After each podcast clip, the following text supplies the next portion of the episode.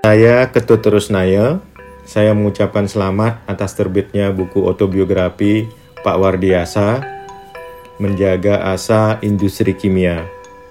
Mengenal lebih dekat sosok Pak Wardiasa, saya tahu dari dulu dan mengikuti jejak beliau selama beliau menjabat sebagai Dirjen Industri Kimia Dasar sampai dengan beliau pensiun dan saya intent komunikasi dengan beliau sejak saya menjabat sebagai Direktur Produksi PT Petrokimia Gersik dan Ketua Alumni Teknik Kimia ITS.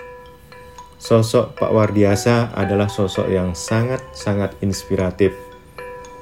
Kita tahu usia Pak Wardiasa sudah lebih dari 80 tahun.